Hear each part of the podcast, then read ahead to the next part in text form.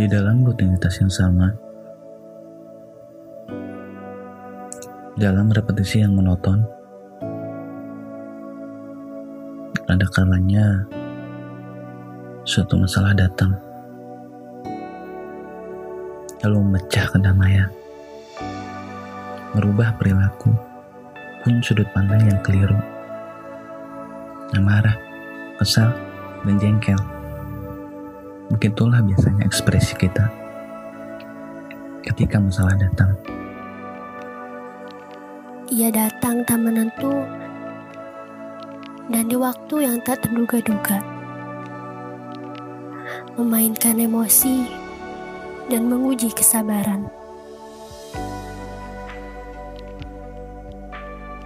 Sejatinya kita harus tahu bahwa itulah namanya ujian.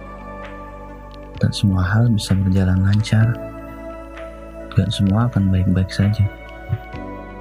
Pasti tiba saatnya saat-saat yang membuat kita tidak, Tidak sedang baik-baik saja.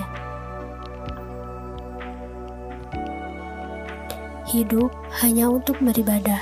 Ujian datang sebagai penguji kita, sebagai ganti dari amal baik yang diberikan pun penghapus dosa-dosa.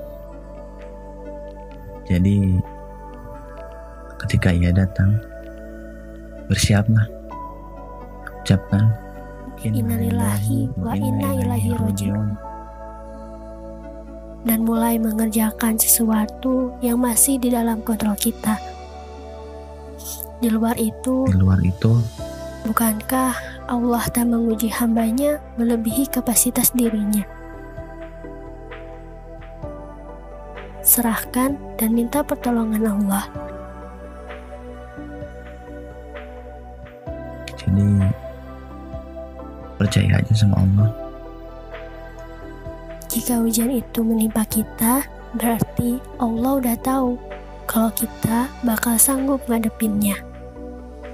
Bismillah.